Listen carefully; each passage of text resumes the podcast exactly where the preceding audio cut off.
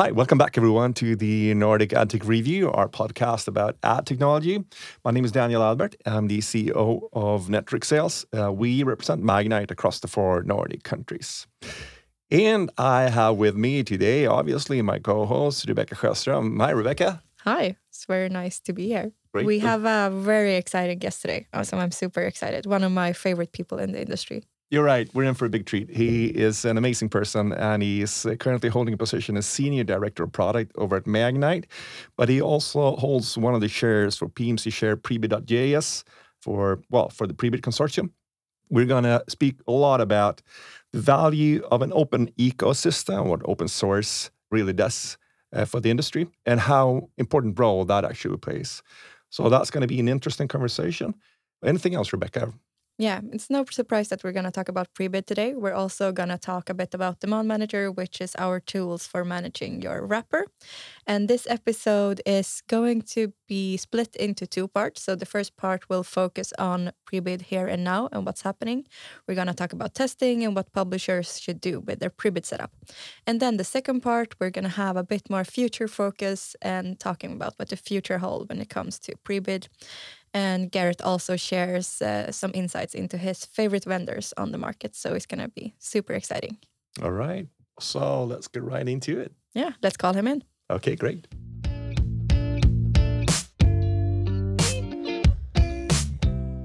Okay, so welcome to the podcast, Garrett. We're super excited to have you here. I thought we could start by you introducing yourself.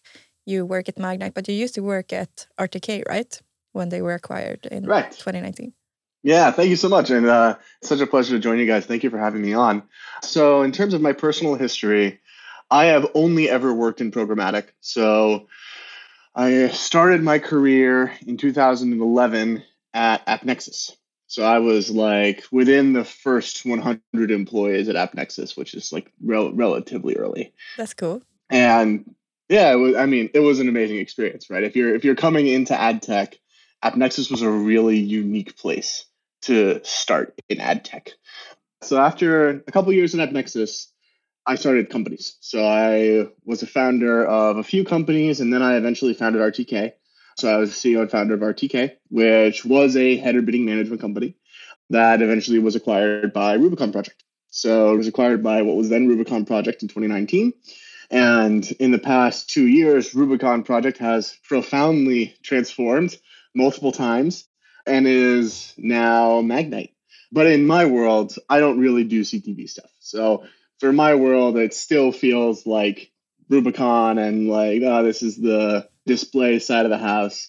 And I manage Demand Manager, which is our header bidding management product. It's definitely a cousin of what RTK did. And, and really, the vision the past two years has been bringing a lot of RTK style functionality, which can help with optimization. We just we were in the weeds for so long. RTK was five years in when it was acquired, with a lot of the premium publisher support features that Demand Manager has. All right, great. Thank you for that. So you're also heavily involved in what's going on within side of Prebid in the organization, Prebid.org. Can you speak to that a little bit?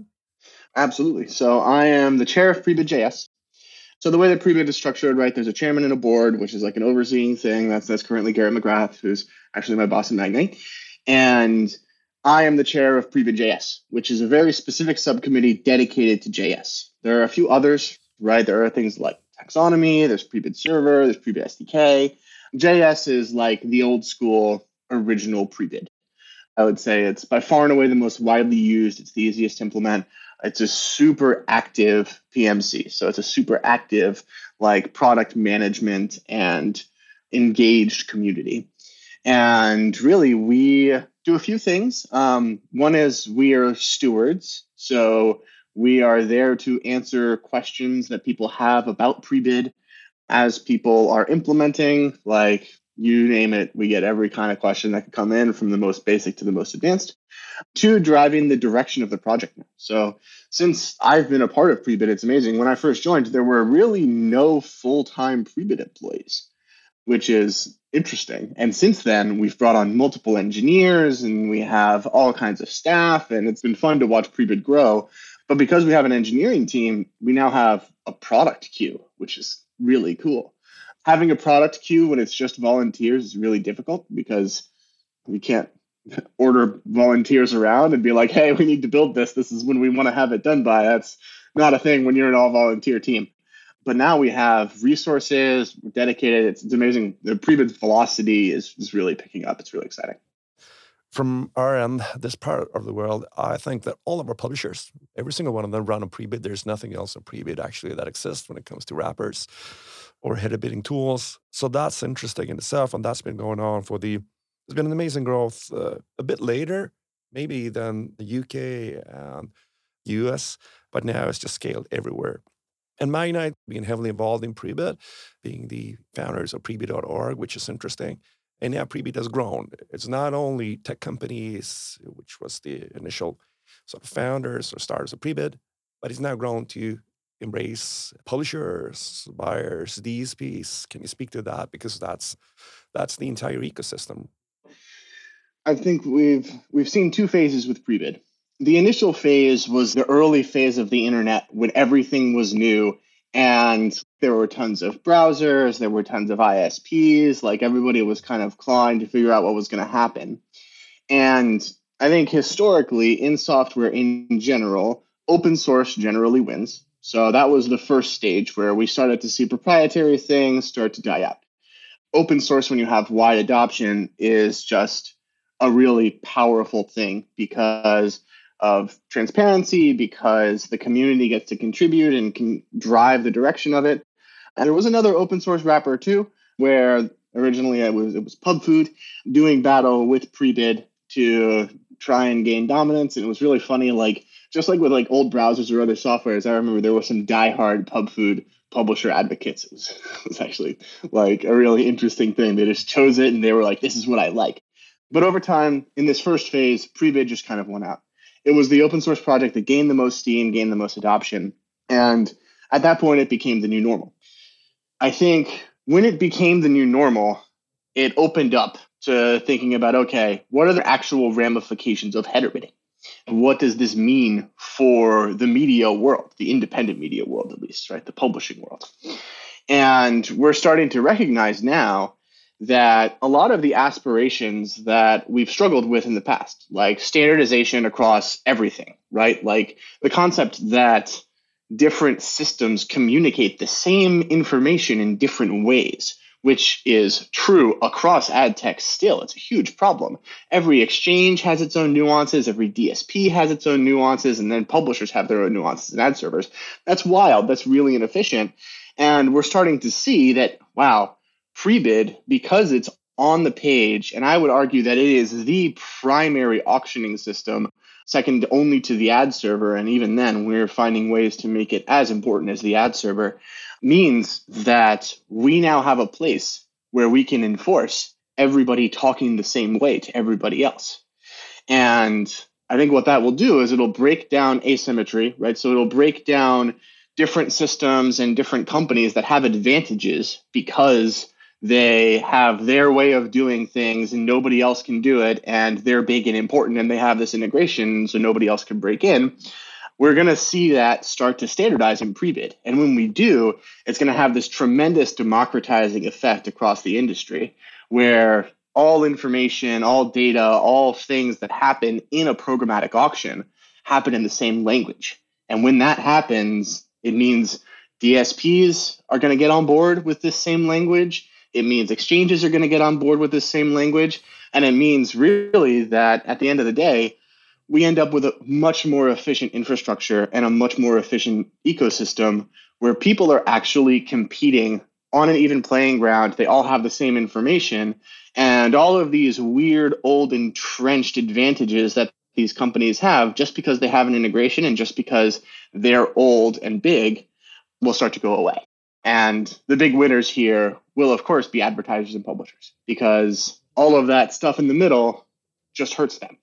The more inefficiency between ads and publishers, the less effective the ads are, the less money publishers make. So I think it's a really exciting time for Prebid to be there. And that's why we're seeing all of these other companies starting to notice where they're like, oh my gosh, Prebid has become this force that will create this universal language and it makes it easier for us to do our jobs. It makes us Now we compete on the things we actually want to compete on, not who has legacy integrations, which is it's kind of the status quo in ad tech. Like legacy integrations has dictated who the winner is, and that's not a good thing.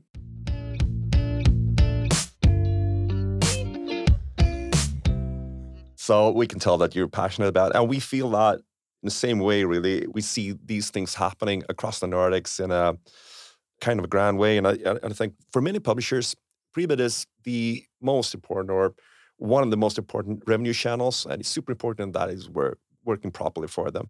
We'll come back to some questions around that. Some of the stuff that you went through over the last 12 months, uh, you know, the UID 2.0 now being operated by Prebid. How does how does that work as an example of of new tools that are available? Yeah, UID is a really interesting one.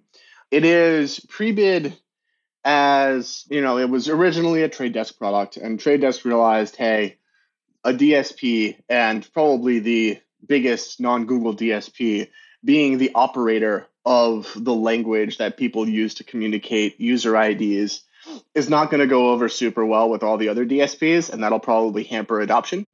So I think that they saw exactly what I was just talking about, which is we have an open source community that's upstream of every auction that occurs. Prebid is the right home for an open source ID. And I think they saw that and they moved it over. And it's a perfect example of how can we get something live and how can we get something at, the very least very easy to use for tens, hundreds of thousands of publishers. It's put it into Prebid. And I think that UID2 is super interesting, super applicable in the new world. And the user ID module in general within Prebid is there are like probably 20 different companies in there that are all trying to address okay, Google is taking some major steps in the world of privacy right now. And what can we do to help publishers maintain monetization and maintain how things work? So yeah, I think UID2 is a wonderful example of realizing Prebid is a great place to add a global identifier so that it goes into every bit stream. It's the right place to do stuff. We'll see the same thing with other forms of first party data. Prebid is was listening to FLoC and is now listening to Topics API. It's on the page, it's going to work with them, it's going to be the coordinator of all of this. And I would say to summarize what we have seen in the Nordics for the last year, that publishers are interested in testing these new identity solutions that they're able to activate in Prebid. There was a storm of TCF integrations, if you're looking back like the past two years, and some trends around activating Prebid video. However, when publishers are doing this, there's also comes this need for being able to evaluate what value these brings. And I would like to talk about testing your Prebid implementation. You are working with Demand Manager, which is Magnite's product for wrapper management. So we're probably mm-hmm. going to talk about what we call experiments or ABC testing. So what is your view on checking your integration to see make sure it's working as good as possible? I'll talk about it in two contexts. So I'll talk about it in the context of user ID modules, which is a very specific place for testing, and then wrappers in general. So other things that you can test in there. The first context, user ID modules. User ID modules are tricky to test in that some of them, their pitch is that they'll only matter when identity goes away. So taking a step back, the best way to test things and the way we built it in DM and the way that I would hope that anyone would build it is you have a system that allows you to construct what are truly significant tests. And what I mean by significant is you can actually randomize across user sessions, across wrapper instantiations, and serve something a certain percentage of the time, and then report against that configuration you served to that percentage as that configuration and hold it against a control or against another configuration. So when you said ABC, the way we do this at Demand Manager is you can build entirely different instances of Prebid, basically, and dice roll them. Where you say, for this piece of traffic, right, this could be mobile users in this country, wherever it may be, I want to serve this configuration 5% of the time, this configuration 95% of the time, and then we allow you to report against it. The reason that's important is I see two errors when people aren't using our system, when people are doing this themselves. One is the dice roll itself. It's not a totally trivial thing to do to properly say, I want to serve this 5% of the time and this 95% of the time in an actual randomized proper way on a section of traffic. I see people mess that up, um, not on purpose, just on accident. There are so many variables that go into what happens when your CDN is delivering something to the page that it's just an easy thing to make an oopsie and make a mistake. The other thing that's really important is isolating variables. And what I mean by isolating variables is if you have an implementation where, let's say, you're just set percentages for different settings within a wrapper, what you can run into is those settings can influence one another. And if you can't report on the state of one setting when another one implemented, then you could end up with weird data that has confounding variables where you won't have significance because your data is muddled together and you won't actually know when setting A was setting A, did it affect setting B? You'll have overlaps. So the way that we tell people to ensure that they don't do this is we serve totally different versions of the wrapper in our system. And here's the thing, you could still change more than one variable, but at least you know for that percentage of traffic, these two variables were both changed.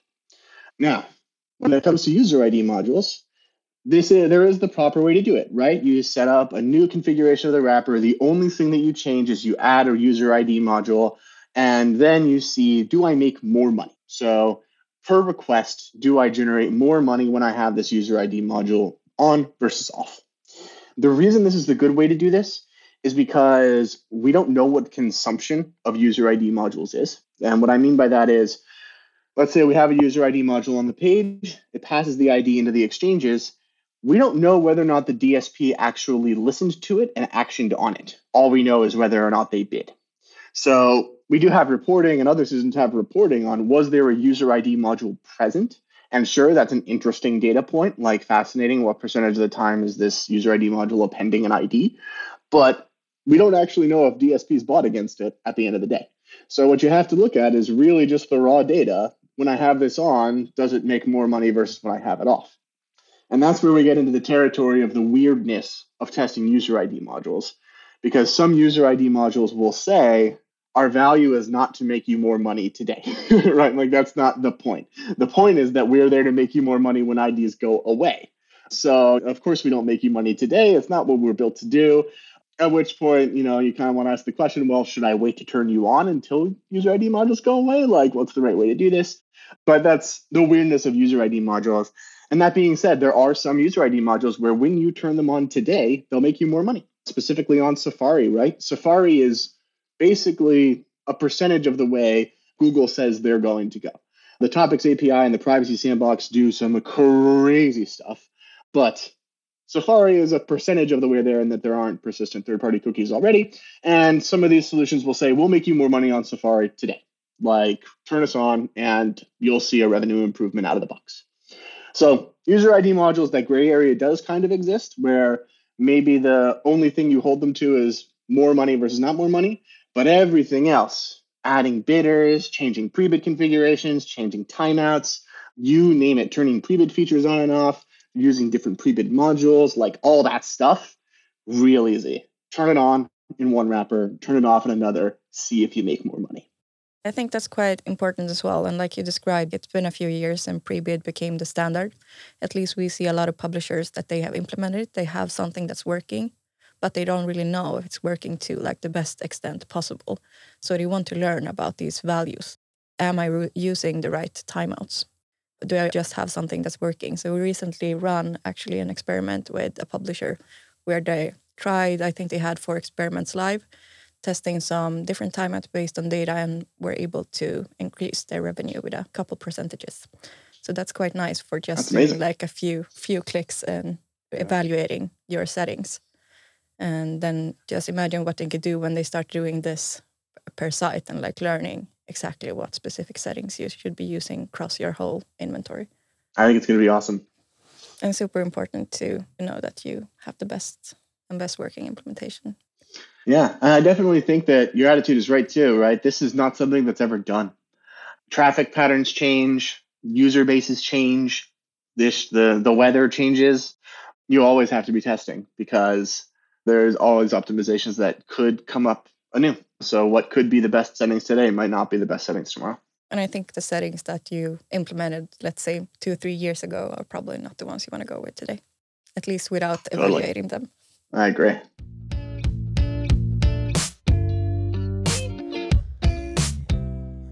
There's obviously a whole bunch of new stuff coming out of coming out of the prebid.org consortium.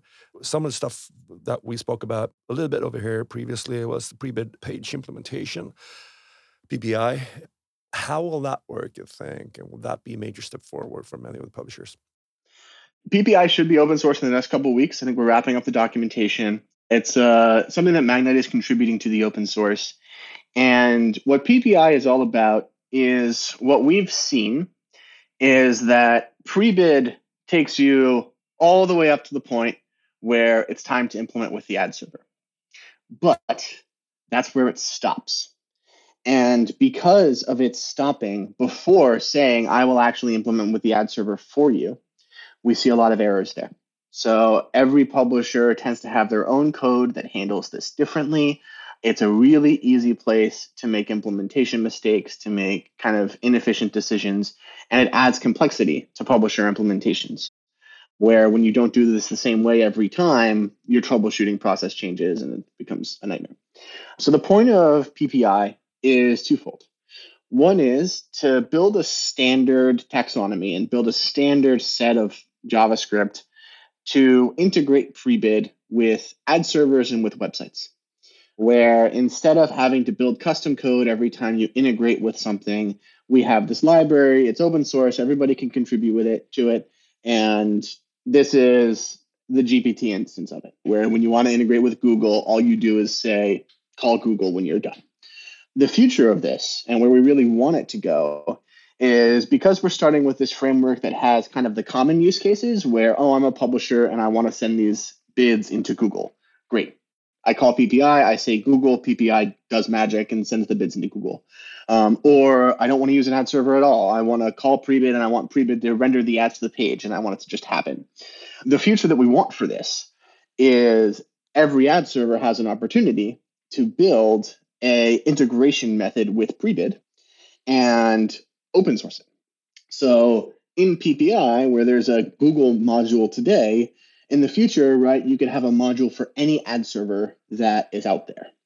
And that would mean that whenever a publisher wanted to use Prebid with that ad server, all you would need to do is call PPI and say, hey, I want to hold an auction for these Prebid ad units. And it has a whole way for defining and creating and doing all that stuff with Prebid ad units. And then I want you to call this ad server. And this ad server has a module, and all the JavaScript is packaged into pre-bid and it just executes and passes the bids properly into that ad server. I would see that coming very, very soon, actually. Because if I were a third party ad server, and I haven't reached out to a few of them, I, I probably should. if I were a third party ad server, it's probably painful for me to have to talk to publishers about how to use me with Prebid all the time. That's probably a little bit unpleasant. It would be great to open source something and say, just use this and it'll just work and we're done. So I think that's that's a big part of the future that we want to move towards with PPI is I wanted to make sure that it democratizes pre-bid with all the other ad servers out there. Even though lots of people do use it with GAM, there's there's no reason that should be the only case. That's cool. And there's a lot of stuff happening on the page. Is there anything else that PPI will be able to help with when integrating with with pre-bid? Yeah, I think it's really good for auction management. So just when does pre-bid hold an auction? What does it do with the bids? How do we handle all of our timing? So I think PPI is really going to help with lazy loading. In fact, I anyone who's familiar with GAM, GAM built this really nice thing. Like GAM has a tremendously complex system. Anyone who's ever dealt with the Google API, it's a beast. But they have some really nice little features in there. Like, and one feature is in your GAM tag, you can just type lazy loading like on or something like that. And you just do it in the tag and it just lazy loads. I could foresee PPI including a lazy loading library where instead of having to manage lazy loading logic yourself, where it's like, okay, we're going to load this ad unit, but we should wait until something happens that where it will trigger us to load the ad. You just say PPI turn lazy loading on when it's this many viewports away. I want you to do it, and PPI just does. Where it's like, oh, okay, they want me to lazy load this, so I'll do it. And that kind of makes sense, like you were talking about before, being able to be open to multiple ad servers and not only GAM. Publishers who aren't using GAM would want to do that as well.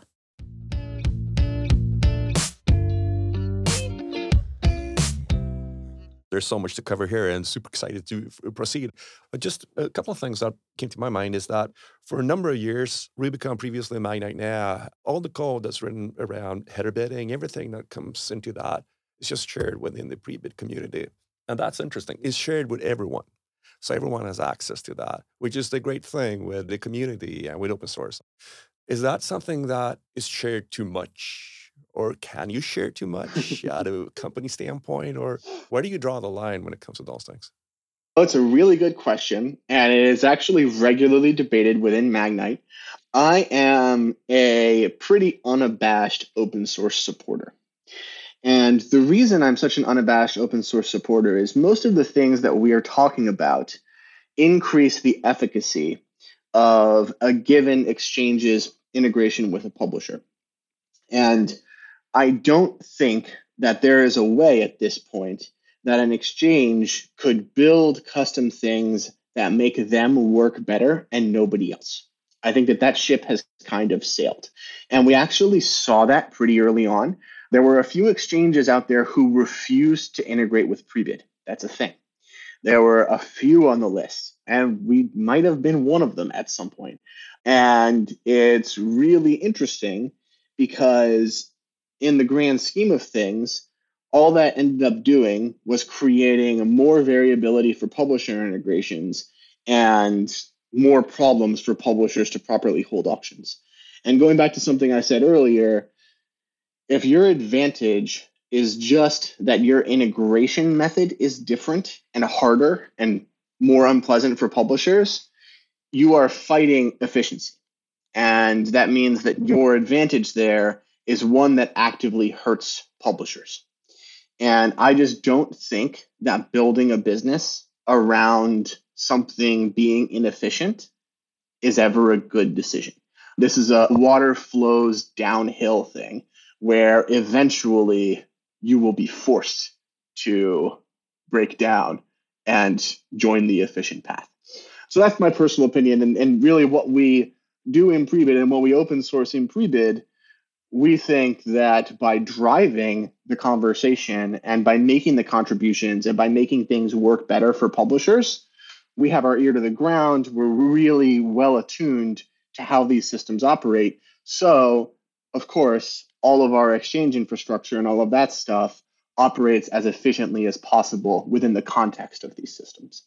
Simultaneously, with Demand Manager, right, the implementation of them, it gets harder and harder and harder to do it right. So we provide consultative services around implementing the open source, which is actually not a model that's unique to Prebid and, and Magnite, right? That's a that is a very common software as a service model in the world of there's an open source tech, but it's so powerful and big, you need to pay someone to implement it for you.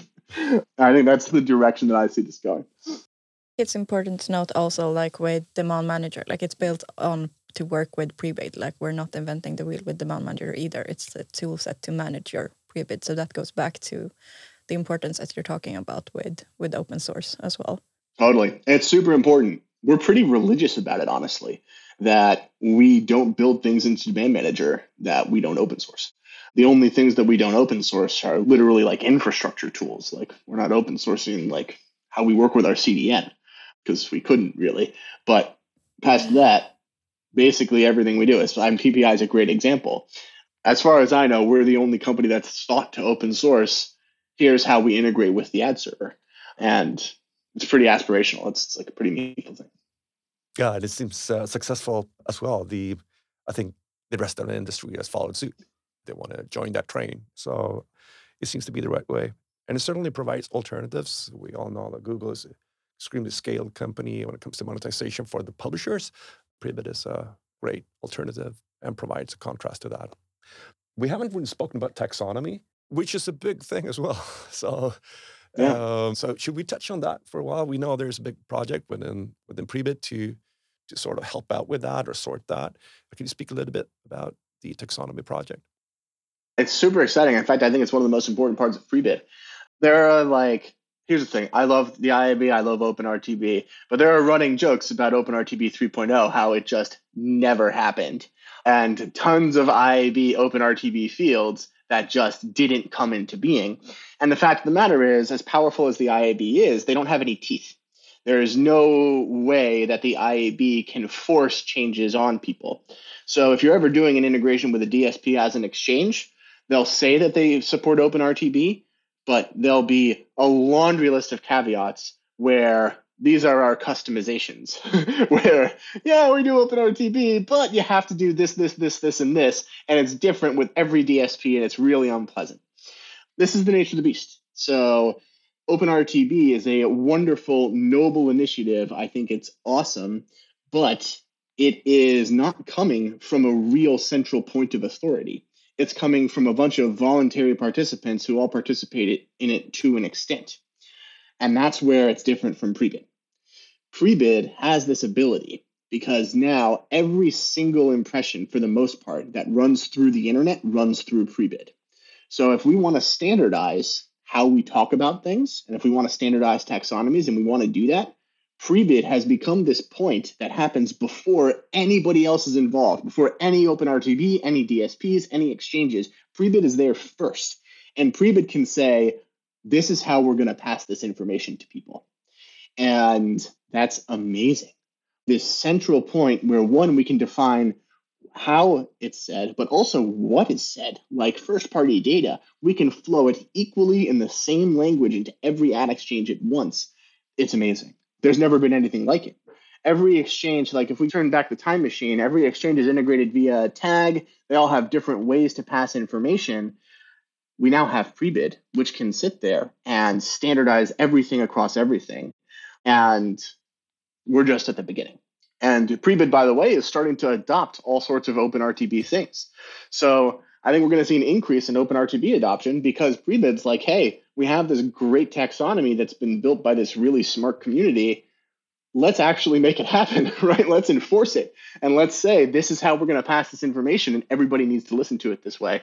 And I think what the taxonomy group is doing will have major ramifications in user IDs, in publisher first party data. So, all sorts of publisher segments, whatever it may be, and basically anything else that will eventually need to be communicated to buyers. The Prebid taxonomy group and how Prebid defines these things will be the boss. Uh, and it's really exciting. I think it's really fascinating and great. Yeah, yeah, yeah. We're totally with you on that one. Is this also spread across uh, Europe or is stateside with this? Yeah, I would say it's getting there. There's a lot of anxiety amongst publishers about like what should I be doing with yeah. first party segments and like stuff like that. Right. I would say that the anxiety kind of outsizes the actual implementations right now. We aren't in a world where publisher first party segments are the be all end all. We still have third party cookies, and DSPs are going to buy against third party cookies until the very last day that they can, uh, because they work really well. So I think there's a feeling that everyone's behind, that lots of publishers are behind, and like, oh my gosh, other people must be doing this so intelligently. And I just don't think that's the case. I don't think anybody really has it together on this one yet because it's really hard to say what there is to get together. And when Google is like, well, we're throwing out FLoC and now we have the topics API and we're and Prebid has to go, well, I guess we have to get rid of our FLoC module and build a new one for topics API. Nobody really has this ironed out yet so I, I wouldn't say no that uh, anybody is particularly behind anybody else when it comes to this one. Right. It's a thing where everybody thinks they're behind because nobody knows what the exact answer is just yet. Great. Thank you for that, Garrett, and thank you everyone for listening to the first part of this episode. In the next part, we will continue to talk about Prebid and what's happening in this space from a more future focus, which will be super interesting. So make sure to subscribe to our podcast or follow Netric on LinkedIn so you don't miss part two of the episode with Garrett.